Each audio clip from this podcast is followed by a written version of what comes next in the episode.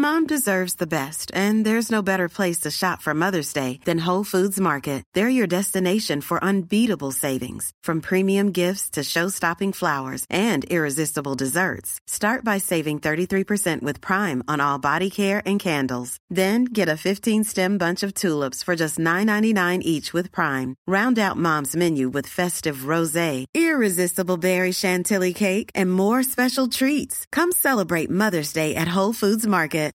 Millions of people have lost weight with personalized plans from Noom, like Evan, who can't stand salads and still lost 50 pounds. Salads, generally, for most people, are the easy button, right? For me, that wasn't an option. I never really was a salad guy. That's just not who I am. But Noom worked for me. Get your personalized plan today at Noom.com. Real Noom user compensated to provide their story. In four weeks, the typical Noom user can expect to lose one to two pounds per week. Individual results may vary.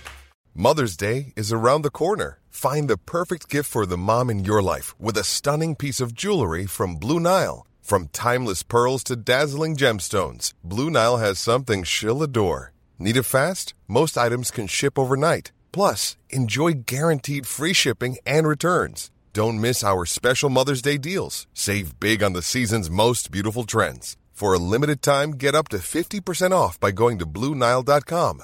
That's BlueNile.com. Välkomna till Celestial Podcast. Jag heter Stella Fadell och det är jag som driver den här podden. Här utforskar jag allt inom spiritualitet, ockulta ämnen och andra magiska ting. Enjoy my loves!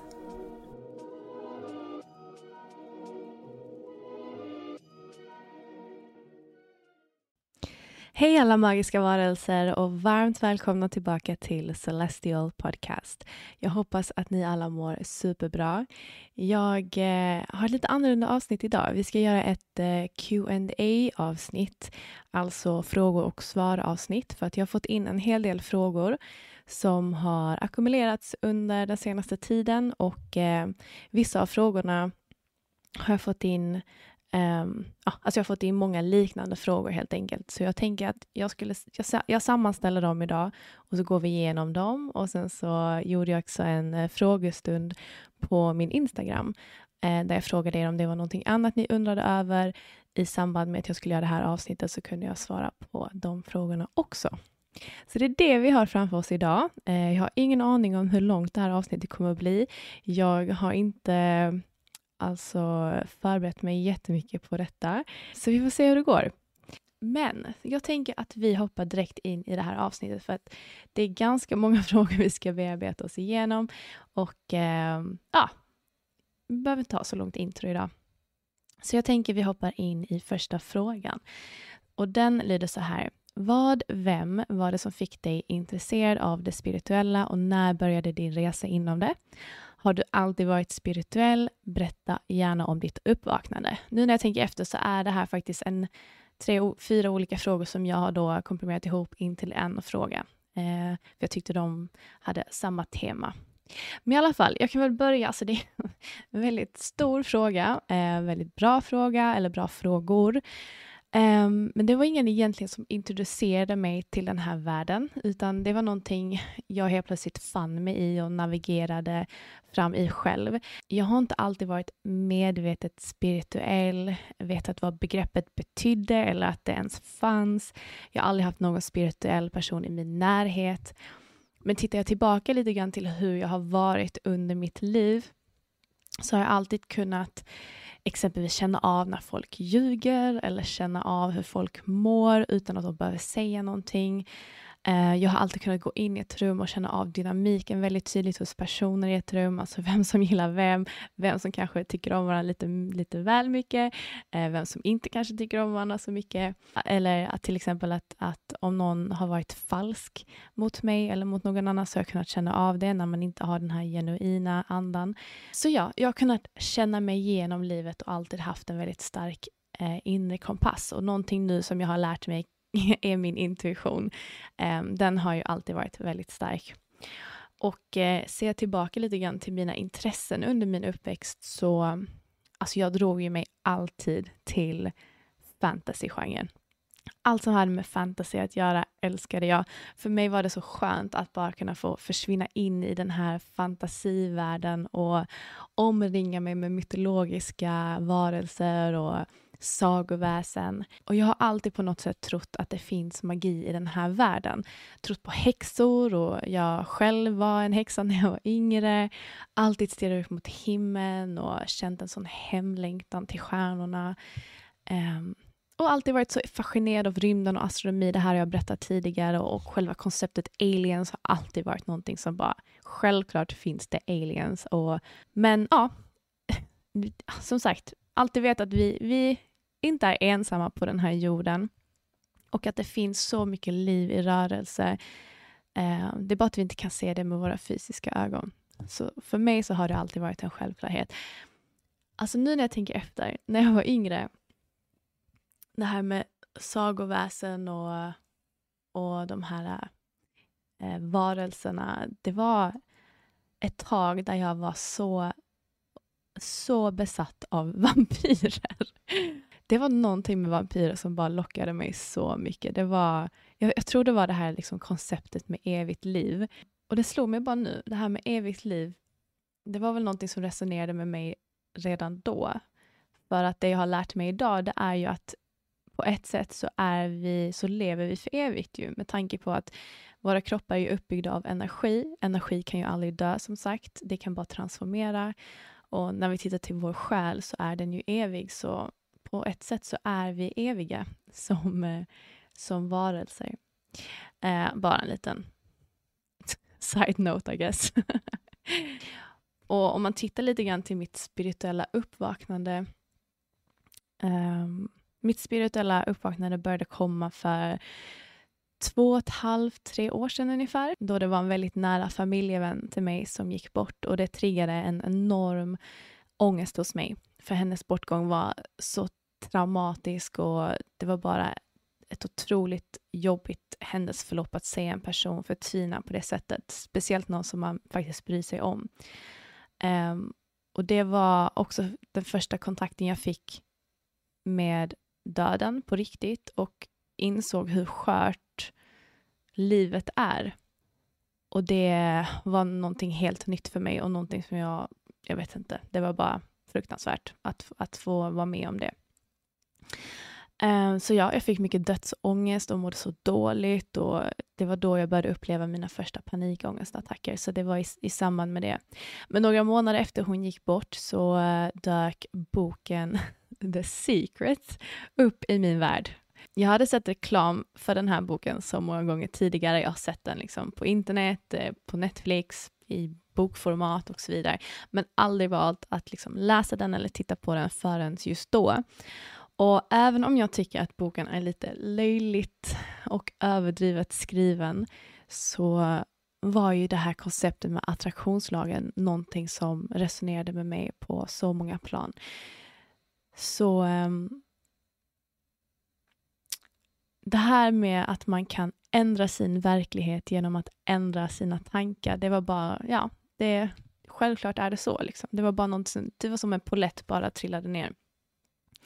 Så jag började tillämpa vissa av de här metoderna som man pratar om i The Secret för att jag ville ju ändra mitt välmående, mitt tillstånd um, och kunde då göra det genom olika övningar och att ändra liksom mitt tankemönster för att jag skulle må bättre. Och det, och det hjälpte mig att ta mig ur ångesten under längre perioder. Så det var fantastiskt. Um, men jag kan inte exakt säga en tid eller en dag då jag bara vaknade upp och var en spirituell människa, utan det var liksom ett, eh, ett successivt eh, händelseförlopp som liksom växte fram under en längre period. Men det jag började inse när jag började liksom vakna upp, eller vad man ska säga, det var att jag började lägga märke till nummersynkroniciteter som jag aldrig hade gjort innan. Jag började lägga märke till att varje gång jag kollade på klockan så stod det 11.11. Jag bara, det är ju märkligt. Och jag började se 22 eller 222, 444, 77, 555. Jag började se alla de här nummersynkroniciteterna som jag aldrig hade lagt märke till tidigare. Och de här siffrorna började jag se överallt i olika liksom, skeden eller olika perioder då och det som var annorlunda för mig var att jag faktiskt agerade på det och, och när jag såg liksom ett tecken eller en, siff en siffra så gick jag och kollade upp vad det innebar. Det kändes som att det var någon inre röst som bara kollade upp vad det här innebär. Eh, och då var det alltid ett meddelande eller ett budskap som, som resonerade med mig. Så att jag tyckte det var väldigt så här, spännande och intressant att det började ske. Andra typ symptom eller saker och ting som skedde i samband med det som, som var lite annorlunda var att det började ringa mycket i mina öron. Jag började drömma mycket mer konstiga eh, drömmar. Eh, jag blev nästan ännu känsligare för andras liksom, eh, energier och kände mig så mycket mer dränerad än vanligt när jag umgicks med vissa typer av människor. Um, och kände mig ännu mer dragen till naturen och djuren och ville liksom steppa, steppa tillbaka eh, ifrån människor. Så jag vill liksom isolera mig mer på ett sätt. Men ja, det, det blev väldigt överväldigande med så mycket intryck hela tiden. Um, det var väldigt konstigt, för det var liksom inte så Um, att jag, jag, blev liksom inte så påverkad av det tidigare på samma sätt. Men det var liksom några symptom som jag märkte var liksom så konstiga och det, det, var någonting som, som började hända liksom, um, i min tillvaro. Och sen så blev det som sagt som en kedjereaktion. Eh, efter jag läste The Secret så, eh, så kom ju um, intresset för energi fram, vad det innebar. Jag började läsa mycket om det. Jag började förstå vad manifestation var. Eh, jag började förstå att vi människor är del av någonting större. Eh, att vi har så mycket kopplingar till universum och började se det här stora och det här större sammanhanget.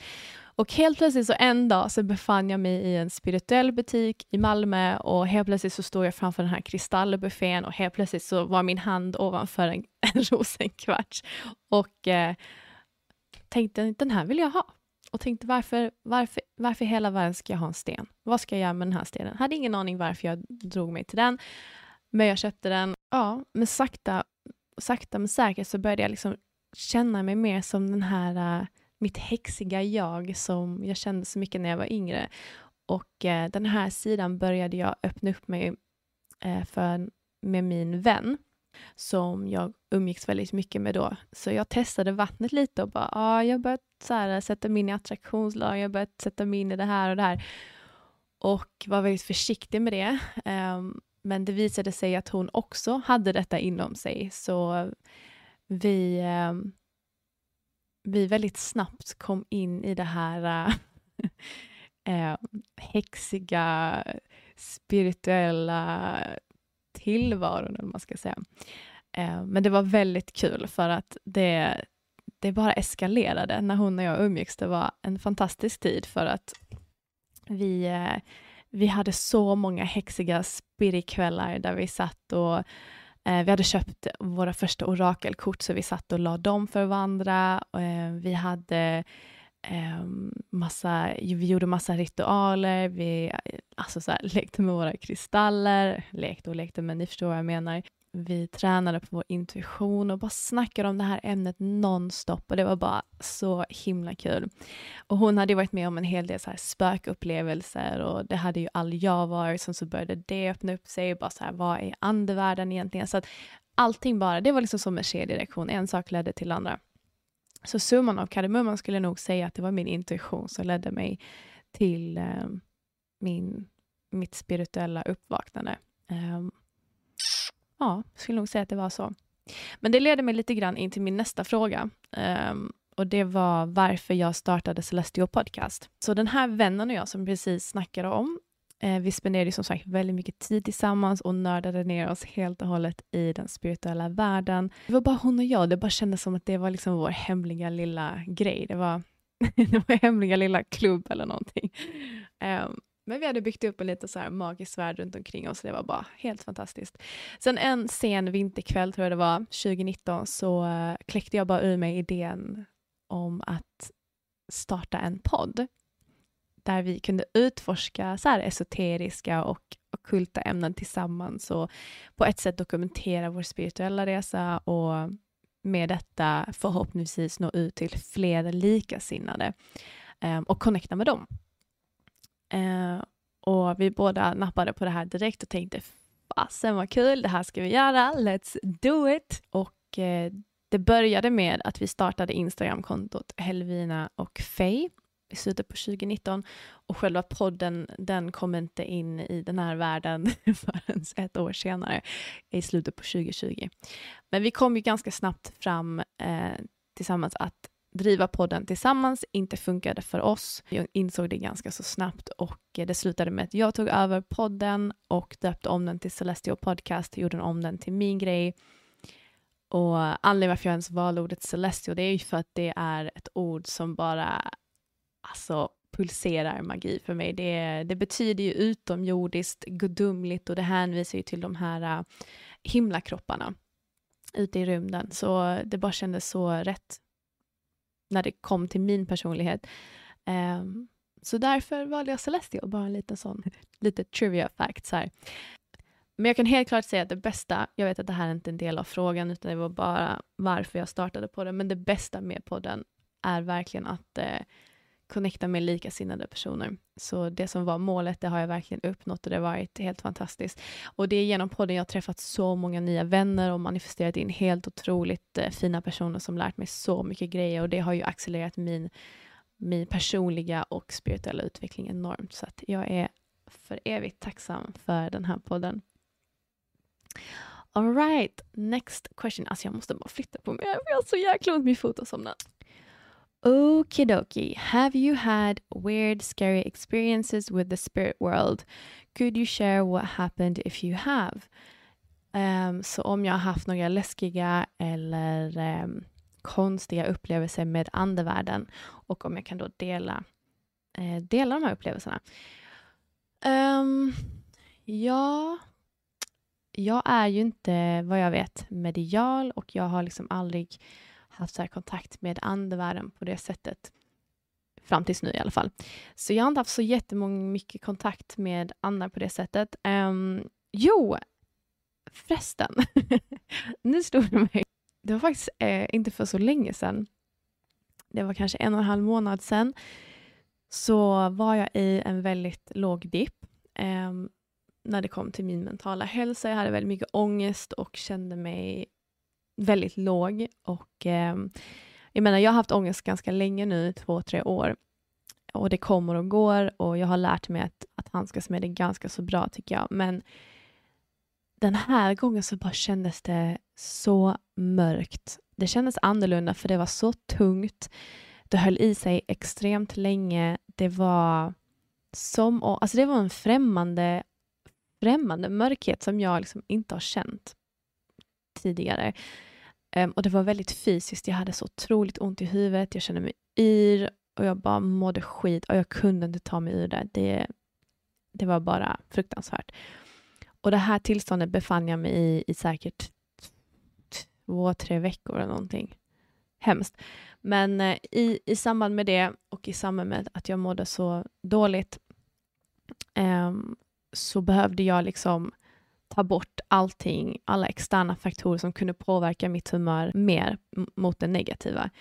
Så eh, alltså jag kunde inte ens titta på alkohol utan att må dåligt. Jag eh, var tvungen att ta bort sociala medier för jag klarade inte av att titta på det. Jag kände bara att jag var, jag jämförde mig med allt och alla och var bara i en väldigt mörk cirkel eh, som jag inte kunde ta mig ur. Så eh, jag tog bort Instagram, eh, i ungefär en månad. Jag tog bort alla sociala medieappar i ungefär en månad.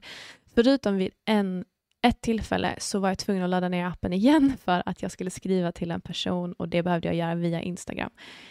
Och när jag loggar in så ser jag då bland mina meddelanden att min vän Karin, alltså Karin som var med i min podd för några avsnitt sedan, eh, som är bland annat medium, hon hade skrivit till mig såg jag och av någon anledning så kände jag bara att jag behövde läsa det här meddelandet och skriva till henne, så jag gjorde det.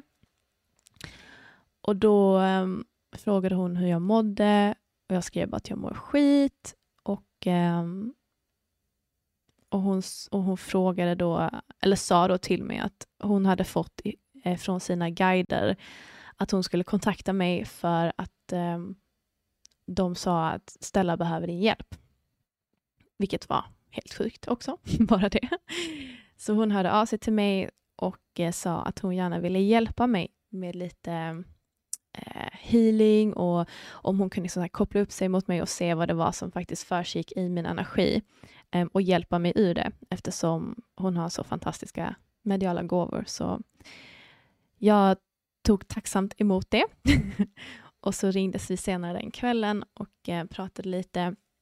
Och sen så sa hon, ja men nu kopplar jag upp mig i din energi och ser what's going on.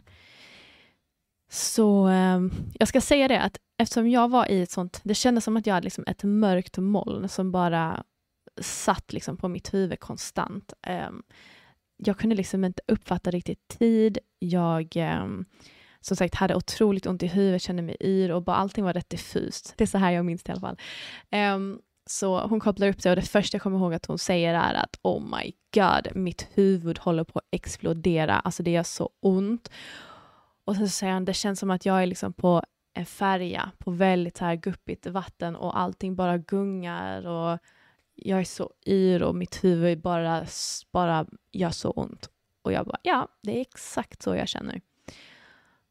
Och sen så kommer jag ihåg att hon säger så att eh, hon bara, men vad är det här?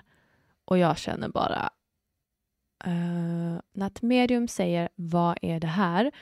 Um, då blir man ganska nervös. så jag bara kände att hjärtat hoppar upp i halsen. Jag bara, äh, vad är det nu? Och eh, och säger bara, det, alltså, jag brukar inte tycka om att jobba med den här typen av energier och jag tänkte bara, alltså nu har jag blivit possessed. Nu har jag en demon inom mig. Nu har jag blivit besatt och eh, livet är över. Så är det bara. um, hon bara säger så här, ah, jag, jag gillar inte att jobba med de här typen av energin och jag bara känner att min puls höjs och jag bara, vad är det som händer? Jag fattar ingenting. Eh, så hon säger, nej men jag måste, jag måste kalla in, jag måste bara kalla in änglarna, jag måste kalla in Metatron. Och jag bara tänker, vem fan är Metatron? Men jag kallar in honom, gör vad du vill, bara hjälp mig i den här miserabla tillståndet. Eh, och hon säger då att det är en, eh, en själ som har fäst sig vid mig. Och med den här själen så kommer det väldigt mycket trauma. För den här själen bär med sig väldigt mycket trauma. Och hon bara, själen är här, precis framför ditt ansikte, precis vid ditt huvud. Och jag tänker, jag kollar upp, jag bara, äh, vadå? Så jag liksom kollar frenetiskt runt omkring och bara, vadå, är det en själ liksom på mitt huvud? Jag, alltså du vet, det var bara så konstigt allting. I mitt huvud var det väldigt konstigt. Och jag bara, ja okej, okay, uh, vadå en själ har fäst sig vid mig? Och då säger hon att eftersom jag alstrar eller utsöndrar så mycket ljus, jag är en, en ljusvarelse, så um, så fäster sig själar vid mig för att de behöver min hjälp och de behöver livskraft och det får de då ifrån det här ljuset. Och, och eh, det var en väldigt ung själ som gick bort på ett väldigt traumatiskt sätt då med eh, någonting som hade med huvudet att göra. Um, och jag ligger bara och fattar fortfarande ingenting och tänker bara, ja men kan du vara snäll och förflytta bort den här själen då ifrån min närvaro? Um, och hon sa bara igen att den har, den har kommit till dig för att den, den känner att du har så mycket ljus och den behöver livskraft och den vill ha din hjälp. Men det är inte så lätt för dig eftersom du inte vet hur du ska hjälpa den. Vilket jag inte hade någon aning om hur man skulle göra. Nej. Så eh, hon sa, bara lägg dig ner, jag ska hjälpa den här själen över till ljuset. Och så började hon köra healing och hon började göra sin grej och eh, efter ett tag så känner jag bara att hela min kropp bara är en enda stor rysning. Det bara alltså, så springer upp och ner, så kalla kårar eller rysningar upp, upp, upp och ner för min kropp. Och eh, jag bara, Karin, Karin, det är liksom, jag har rysningar konstant, vad är det som händer? Och hon bara, nej men det är bra, då betyder det att det funkar. Så, ehm, så jag låg bara där och, och helt plötsligt så känner jag bara att min huvudvärk släpper. Och för första gången på typ en vecka så känner jag att hela rummet slutar snurra. Och jag tänker på vad är det som försiggår? Och då har hon då hjälpt den här själen över till ljuset. Den är inte längre fäst vid mig och eh, hon har också i samband med det här frågat liksom, är detta ställa känslor som hon känner eller är detta någon annan känslor?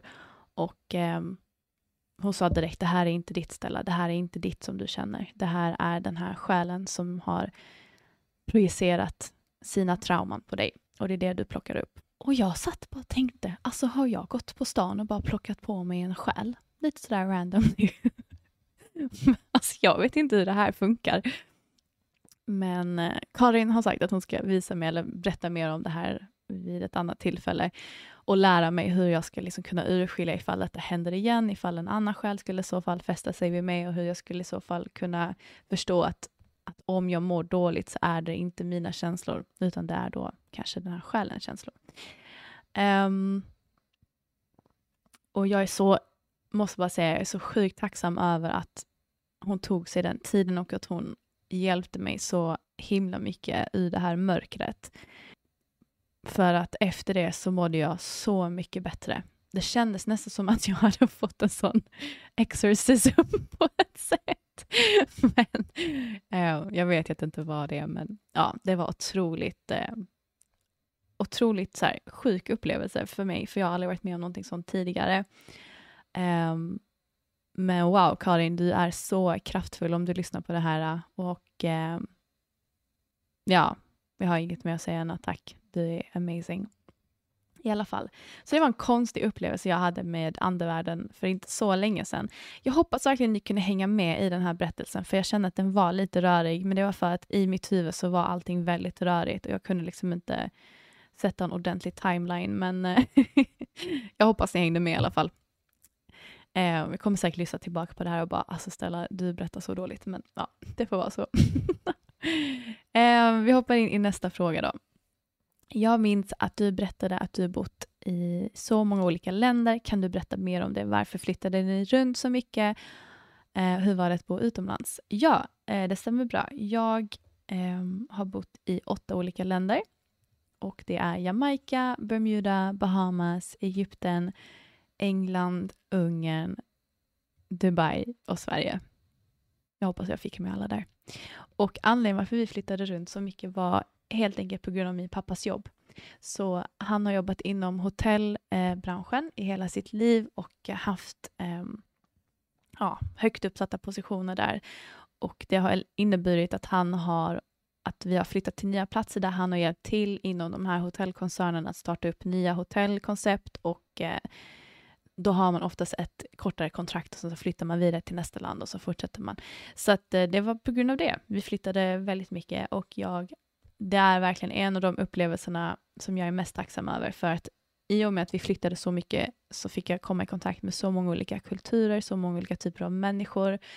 Ehm, jag fick uppleva det brittiska, ehm, brittiska skolsystemet som jag ehm, mådde så bra i.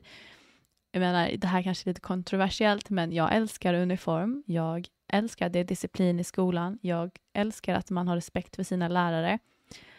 Um, och jag tycker att allt det här saknas i det svenska skolsystemet, tyvärr. Uh, för att jag, det var som natt och dag när jag började i svensk skola. Men eh, vi flyttade tillbaka till Sverige för att mina föräldrar eh, separerade. Så vi flyttade med mamma hit och pappa fortsatte att jobba utomlands. Eh, men det var helt fantastiskt. Jag är för evigt tacksam för den här upplevelsen och jag skulle aldrig vilja... I wouldn't change it for the world.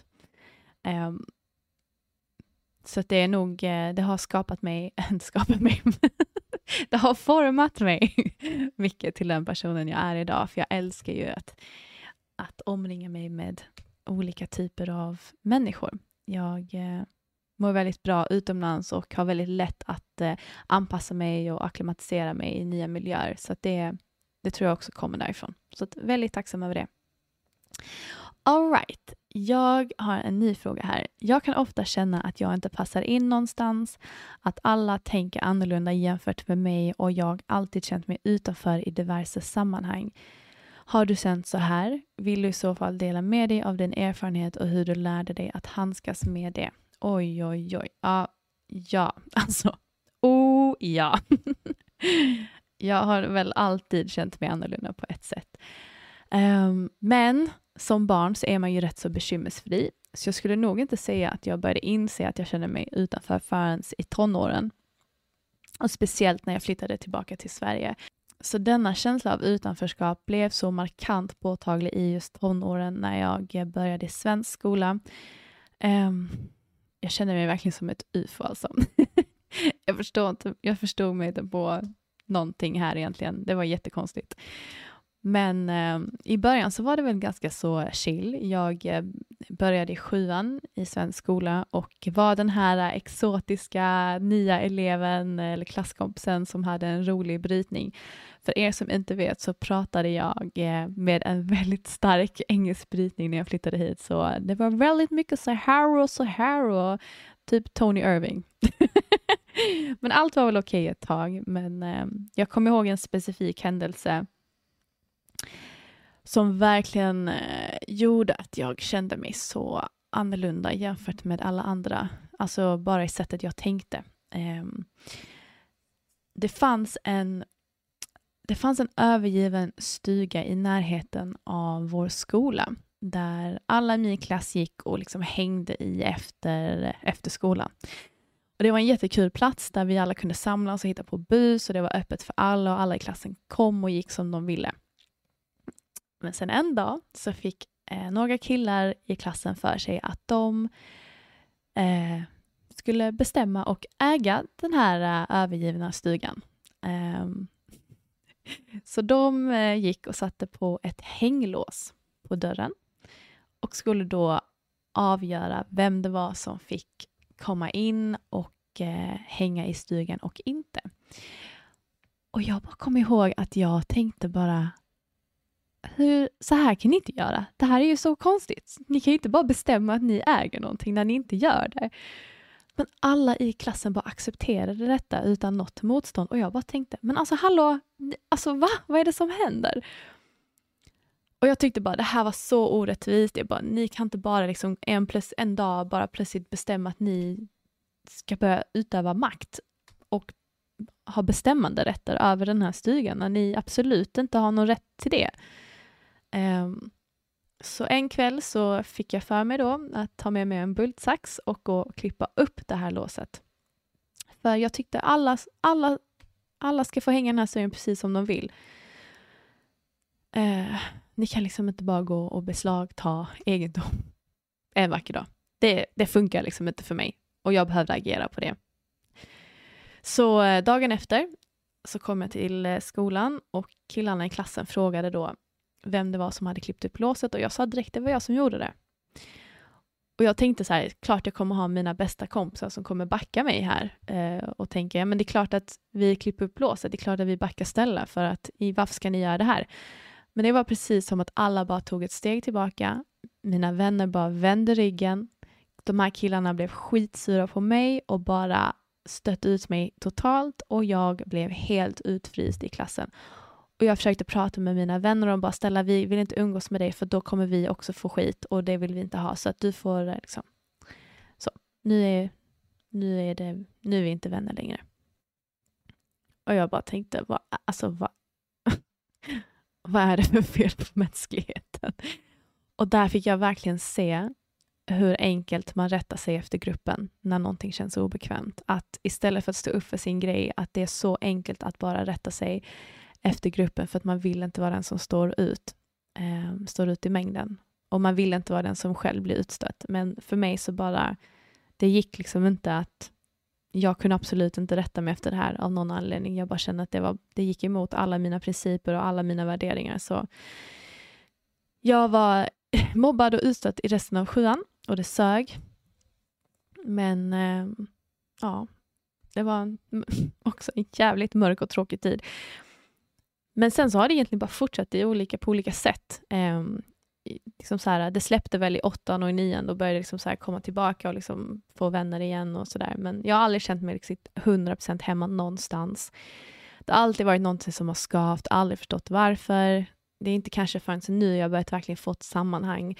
Och jag hade ju inte heller de här verktygen under min uppväxt eller någon, eh, alltså på något sätt att liksom hantera det här utanförskapet. Jag hade alltid en väldigt så här, jättefin familj och stöttande, men det är svårt att förstå sig på den här situationen om man inte själv är i den. Um, så för mig, så, jag vet inte, jag gick väl in i någon slags survival mode I guess. Um, och min escape, alltså det var ju verkligen fantasyvärlden. Jag började bara slänga mig in mer i det um, och jag började hänga med vänner. Jag, jag hade en, min äldsta barndomsvän bodde i Malmö så jag började hänga mycket med honom och, och hans vänner och därmed blev de mina vänner. Så jag helt enkelt bytte miljö um, och för mig så hjälpte det. Men det, det här, alltså, det finns ingen som någonsin ska behöva känna sig utanför till den sjuka gräns där de inte har vänner eller blir utfrysta. Det finns absolut nolltolerans, eller det borde finnas nolltolerans för mobbning. Det är det sjukaste. Det är så hemskt. Um, men en positiv faktor idag faktiskt med sociala medier, om man tittar idag jämfört med när jag var yngre och gick i skolan, så är det ju mycket lättare att hitta sammanhang och grupper online eh, som delar samma intressen som, som, som en själv. Eh, det fanns inte så mycket sånt på min tid, alltså med Facebookgrupper eller Instagram, att man lätt kunde connecta liksom online. Eh, så det, det skulle jag nog underlättat för mig om jag var i den situationen igen. Um, så det är i alla fall en positiv grej med sociala medier skulle jag nog säga. Men ja, um, jag vet inte om jag vet inte om det var svar på din fråga eller någonting, men det var min erfarenhet i alla fall ja, jag har alltid känt mig utanför på ett eller annat sätt. Um, här har vi en till fråga. Om du kunde äta middag med fem personer, levande eller döda, vem hade du valt och varför?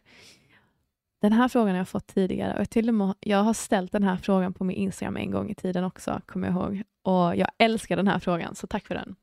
jag tycker den berättar ganska mycket om personen, eh, beroende på vem de vill äta middag med. Men eh, jag säger som jag sa innan, jag hade valt Nikola Tesla, jag hade valt Elon Musk, jag hade valt Cleopatra, det var Sadi Guru och eh, Dean Schneider. Och eh, Nikola Tesla helt enkelt för att jag tycker Tesla är en av de mest fascinerande människorna som jag har läst om. Jag menar, han hade liksom, jag tror det var 300 patent på sina uppfinningar. Alltså 300! En person har kommit på 300 olika saker. Bara det är helt galet. Um, och det sägs att Tesla, Teslas främsta mål eh, under sitt liv var att hitta ett sätt att skapa en källa till outtömlig ren energi som var gratis för alla. Så att om man skulle prata lite mer klarspråk så var det att han ville hitta ett sätt att kunna ge alla fri elektricitet. Och eh, han hatade liksom redan redan på den tiden så, så hatade han redan faktumet att de här kolfabrikerna spottade ut sig så mycket så giftig koldioxid och giftiga, eh, giftiga föroreningar som vi människor behövde andas in. Han var helt emot det redan då, så han var väldigt före sin tid på det sättet. Och det sägs att innan han gick bort så hade han hittat ett sätt att använda att på något sätt utvinna energi eller de här elektromagnetiska frekvenserna eller eh, jag kan inte exakt vad det är, men jorden har någon elektromagnetisk frekvens som man hade kunnat um, uh, använda som källa till det här. Att det finns ett sätt att kunna utvinna liksom gratis eller, eller att det finns ett sätt att kunna ge alla fri elektricitet. Men han, eh, han dog tyvärr innan han eh, blev klar med, det här, eh, med den här uppfinningen. Och det som är lite intressant är just att när han dog så eh, beslutog, besluttogs, jag kan inte prata. Men när han dog så, ehm, så var det så att hans, alla hans ritningar, alla hans uppfinningar, alla hans papper, dokument, allt, allt, allt, det eh, beslog togs av ingen mindre än Donald Trumps farbror och ingen har sett hans ritningar sedan dess. Så ehm, ja, jag tror inte elbolagen hade älskat om det här hade satts i bruk eller verkställts för eh, man tjänar ju så mycket pengar på det här. Så, men jag tycker det hade varit helt fantastiskt om man hade hittat ett sätt att kunna ge hela världen fri elektricitet. Kan ni förstå hur mycket det hade hjälpt alla? Men jag ska faktiskt göra ett helt avsnitt om Nikola Tesla för han är så jäkla intressant. Så fascinerande. Och nej, jag ska inte prata om varje person lika mycket som jag pratade om, om honom. Men Elon Musk, kort sagt, vill jag prata med för jag är övertygad om att han är en alien. hela hans karaktär är bara intressant enligt mig. Plus han har grundat två helt otroliga företag, Tesla och SpaceX. Och jag hade bara velat spendera en hel dag med honom och bara få så här, äh, pick his brain. Ehm, det hade varit kul.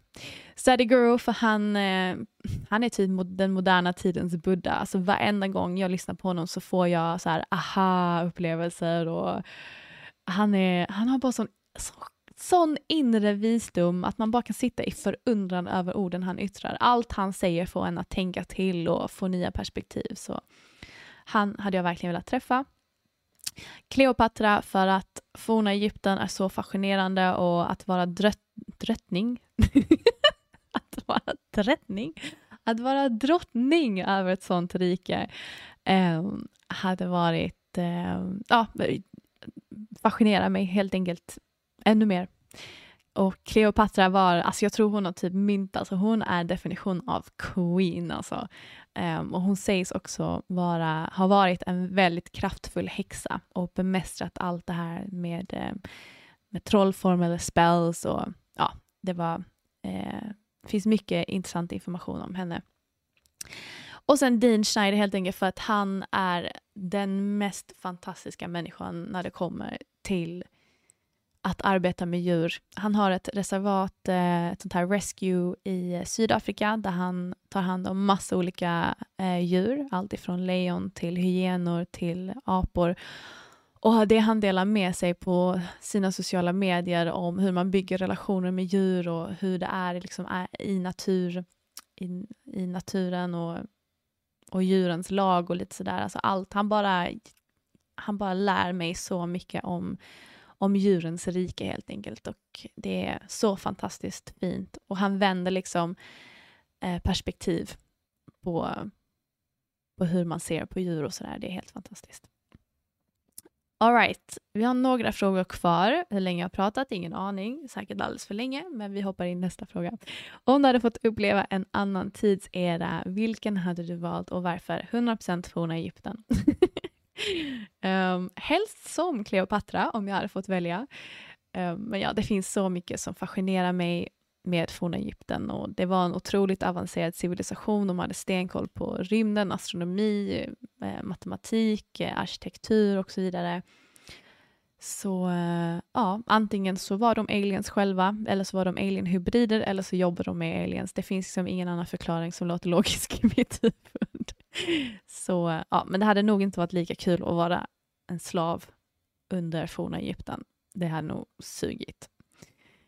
Så man hade helst velat vara en eh, högt uppsatt eh, royalty. Nästa fråga. What is your strongest sense according to HD? Any stories on how you use it? Så vad är min starkaste mitt starkaste sinne enligt human design och om jag har några berättelser på hur jag använder det. Okej, okay. Ah, human design. Älskar ämnet human design. Eh, jag har gjort ett helt avsnitt om human design med eh, en fantastisk människa som heter Linnea Segerstedt. Ehm, så om ni är helt nya till human design och inte riktigt vet vad det innebär så kan ni gå och lyssna på det avsnittet för att det förklarar en hel del. Men i alla fall, inom human design så är jag en manifestor och manifestors är ju här för att initiera, eh, starta upp saker och ting, sätta saker i rörelse. Och det som är vår superkraft är att vi kan göra detta oberoende av någon annan. Och vi är faktiskt den enda eh, human design, alltså energitypen som kan göra det. Däremot så har vi ingen vidare uthållighet och förvaltning är ju verkligen ingenting för en manifester. Eh, och jag har alltid undrat varför jag alltid har haft tusentals idéer, inte varit rädd att starta upp nya projekt, men så fort de är igång så tappar jag intresset. Och jag har alltid stört mig på mig själv och tänkt varför kan jag inte hålla kvar ett intresse? Varför tappar jag allt det där? I alla fall. Och jag har liksom aldrig kunnat slutföra saker och ting. Det har verkligen varit svårt för mig. Men jag har liksom tvingat mig att göra det och det har bara lett till att jag har mått dåligt. Nej, så det jag fick lära mig när jag läste, eller när jag fick en, en human design-läsning, det var ju att, att eh, jag inte är konstig som funkar på det här sättet. Jag är bara designad annorlunda. Och med tanke på att manifestors bara utgör cirka 8% av världens befolkning så är det inte så konstigt att jag har känt mig annorlunda eller annorlunda, att jobb, jag har jobbat annorlunda än andra människor för att att eh, de flesta är ju av en annan energityp. Och det finns ingen energityp som är bättre eller sämre, utan det handlar bara om att vi har olika gåvor som vi ska eh, bring forth till världen och dela med oss av. Så det blev så mycket som var uppenbart för mig när jag fick min human design-läsning. Jag, jag förstod mig själv, alltså jag förstod sättet jag jobbar på och sättet jag um, tar mig an saker på. Det liksom blev helt plötsligt tydligt för mig varför jag funkar på ett visst sätt. Um, jag har en emotional authority och ens authority förklarar i korthet egentligen hur vi ska ta beslut som är korrekt enligt vår design. När man har en emotional wave så är det så att jag, jag upplever livet genom mina känslor och de rör sig uppåt och de rör sig neråt, alltså pikar och dalar. Det jag har lärt mig är att jag ska aldrig då ta ett beslut när jag är i en peak, alltså när jag är på en high, och jag ska aldrig ta ett beslut när jag är på en low, alltså en dal. Jag ska vänta och invänta ett neutralt läge.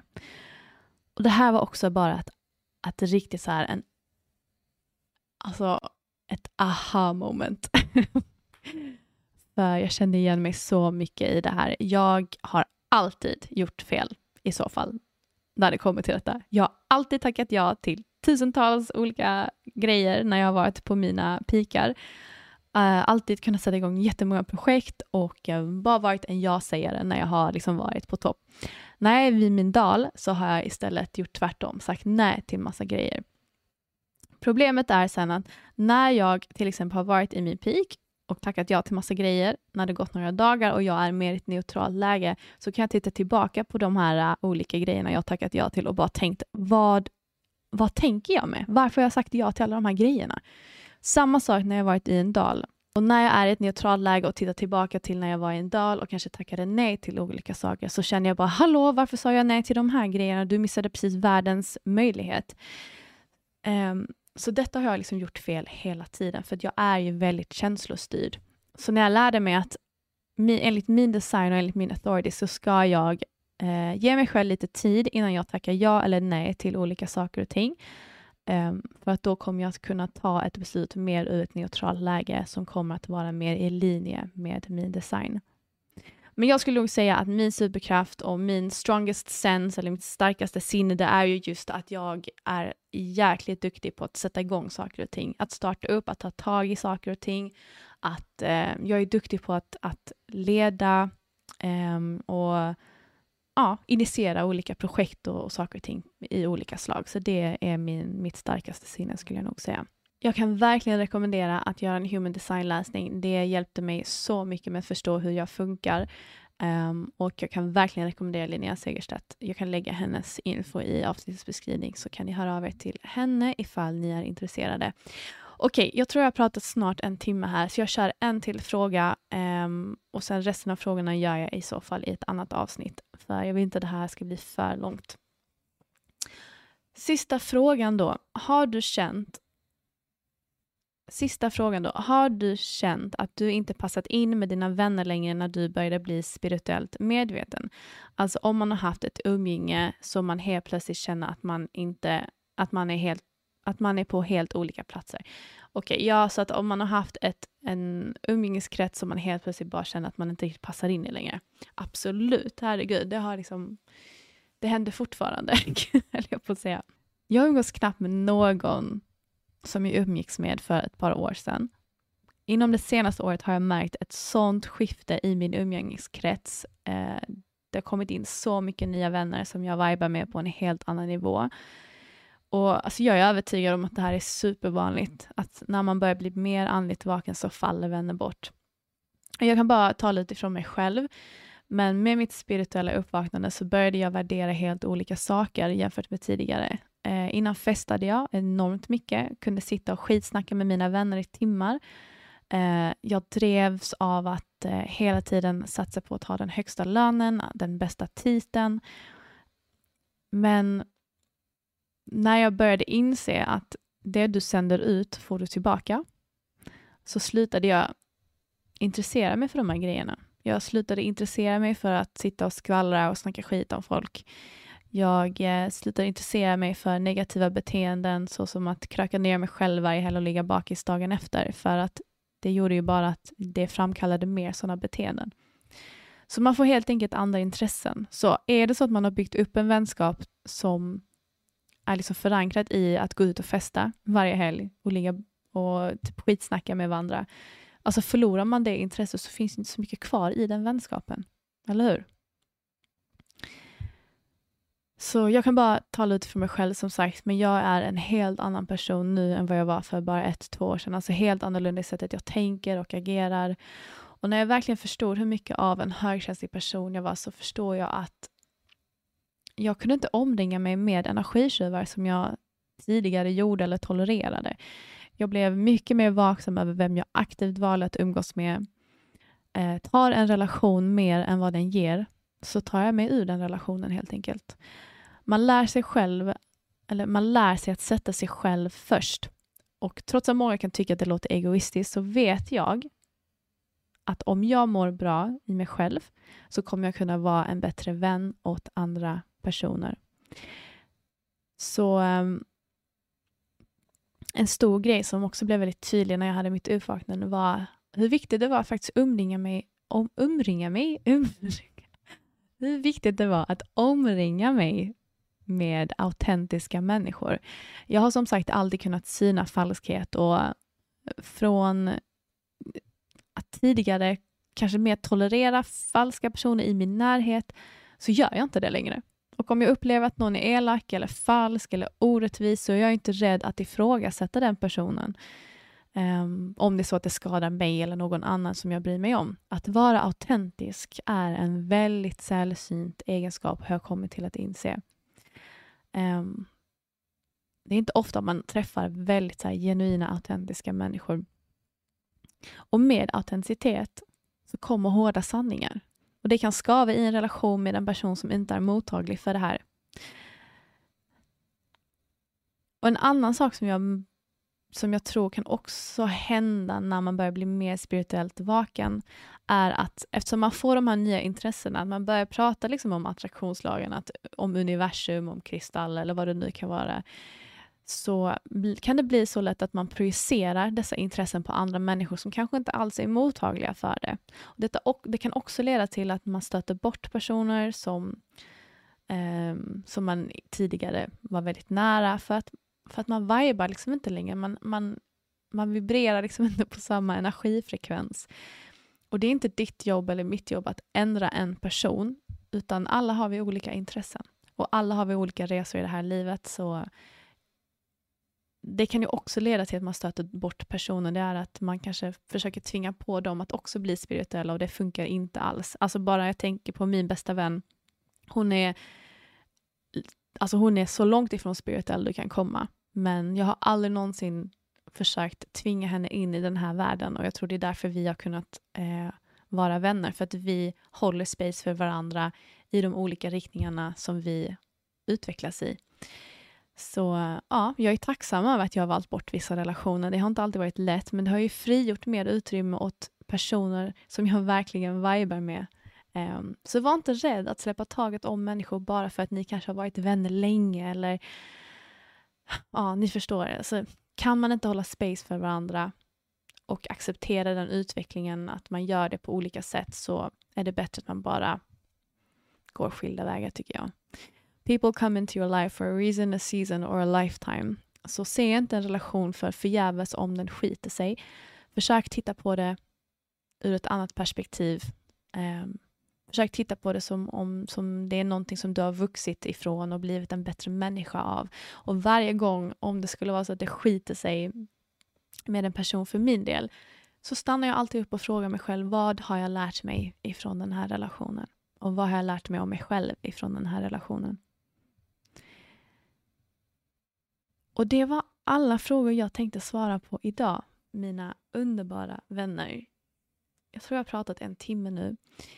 Så eh, jag hoppas att ni tyckte om det här avsnittet. Det var ett lite annorlunda koncept. Ni kanske får lära känna mig lite bättre. Um, och har ni fler frågor så keep them coming så kanske jag kan göra ett till avsnitt om ett litet tag. Eh, annars så får ni ha en helt eh, fantastisk dag, morgon, kväll, när ni än lyssnar. Så hörs vi igen om en vecka. Puss och kram!